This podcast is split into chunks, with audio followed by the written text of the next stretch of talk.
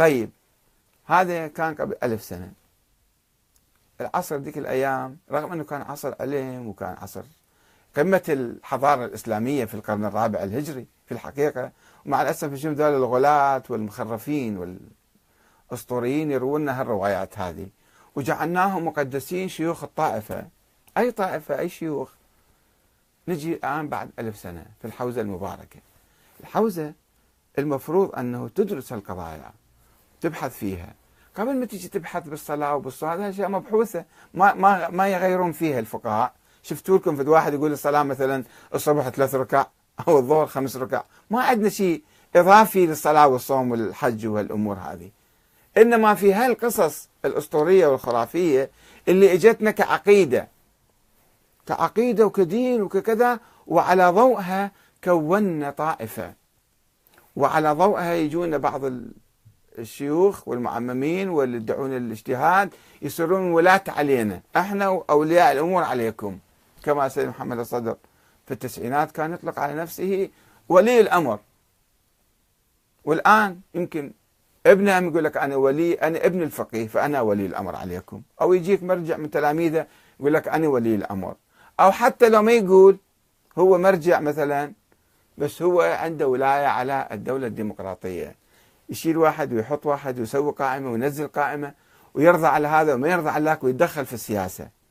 اذا إحنا نظامنا الديمقراطي بعد هش وضعيف ومخترق من قبل المرجعية، والمرجعية تحاول أن تفرض سيطرتها الدينية على العملية السياسية. انتخبوا هذا لا تنتخبون ذاك. شفتوا الشيخ النجفي كيف كان يسب السيد يسب المالكي بالانتخابات الماضية أنه هذا لا تنتخبوا طيب شو خصك بالموضوع؟ الناس هم ينتخبون أي واحد يردوه.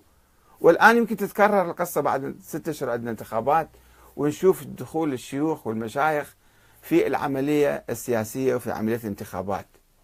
والدولة المدنية أيضا رايحة لأنه نؤمن بشيء اسمه بما يصوغه هؤلاء الفقهاء بين قوسين من دولة دينية وما هي بدولة دينية؟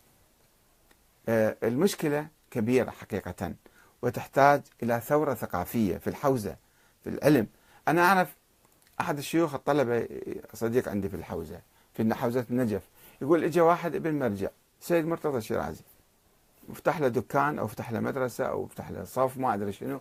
جاي يدرس فيه. يقول التحقت حاول التحق بالدرس.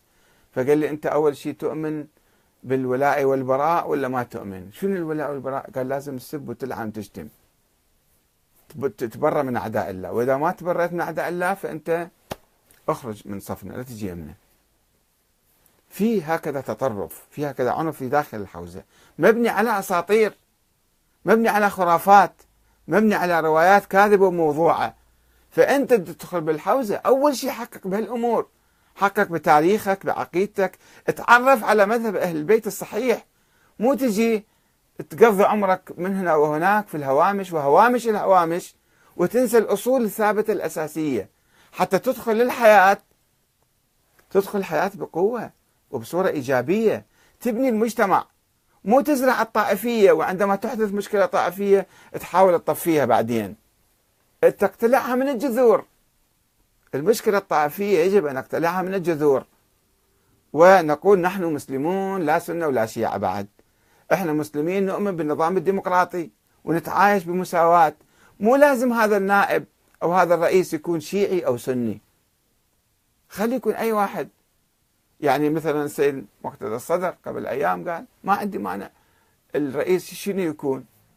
حتى يهودي نصراني مسيحي بوذي أي شيء كان. هذا شوف طفرة هذا يريد يدخل للواقع يريد يدخل إلى نظام مدني ديمقراطي بس ده يقفز من التراث اللي عنده بخلفه. هذا التراث لازم إحنا يظل مشكل بينا يظل عالق فينا وإحنا عالقين بهذه الأزمة الثقافية. فلا يمكن الخروج منها. كما دعوت السيد مقتدى ووالده رحمة الله عليه من قبل قلت له أنت يجب أن تبحث في هذا الموضوع. لا تغمض عينك عليه لا تطفر عليه. ابحث عيد النظر كن جريئا كن شجاعا. قول هذا التراث كله مو صحيح. وأنا أؤمن بالإسلام كعقيدة وكدين وكشريعة ولكن بالنظام الإسلام ما يوجد فيه نظام سياسي. في القرآن اقرأ القرآن من أول لآخر ما في نظام سياسي ما في دستور. الدستور يضعه الناس. الله كفل ذلك وأعطاه للناس حتى يقوموا بوضع الدستور وبناء النظام السياسي. الآن نريد إحنا نبني هذا النظام على أسس العدل والمساواة حتى نرفع الفقر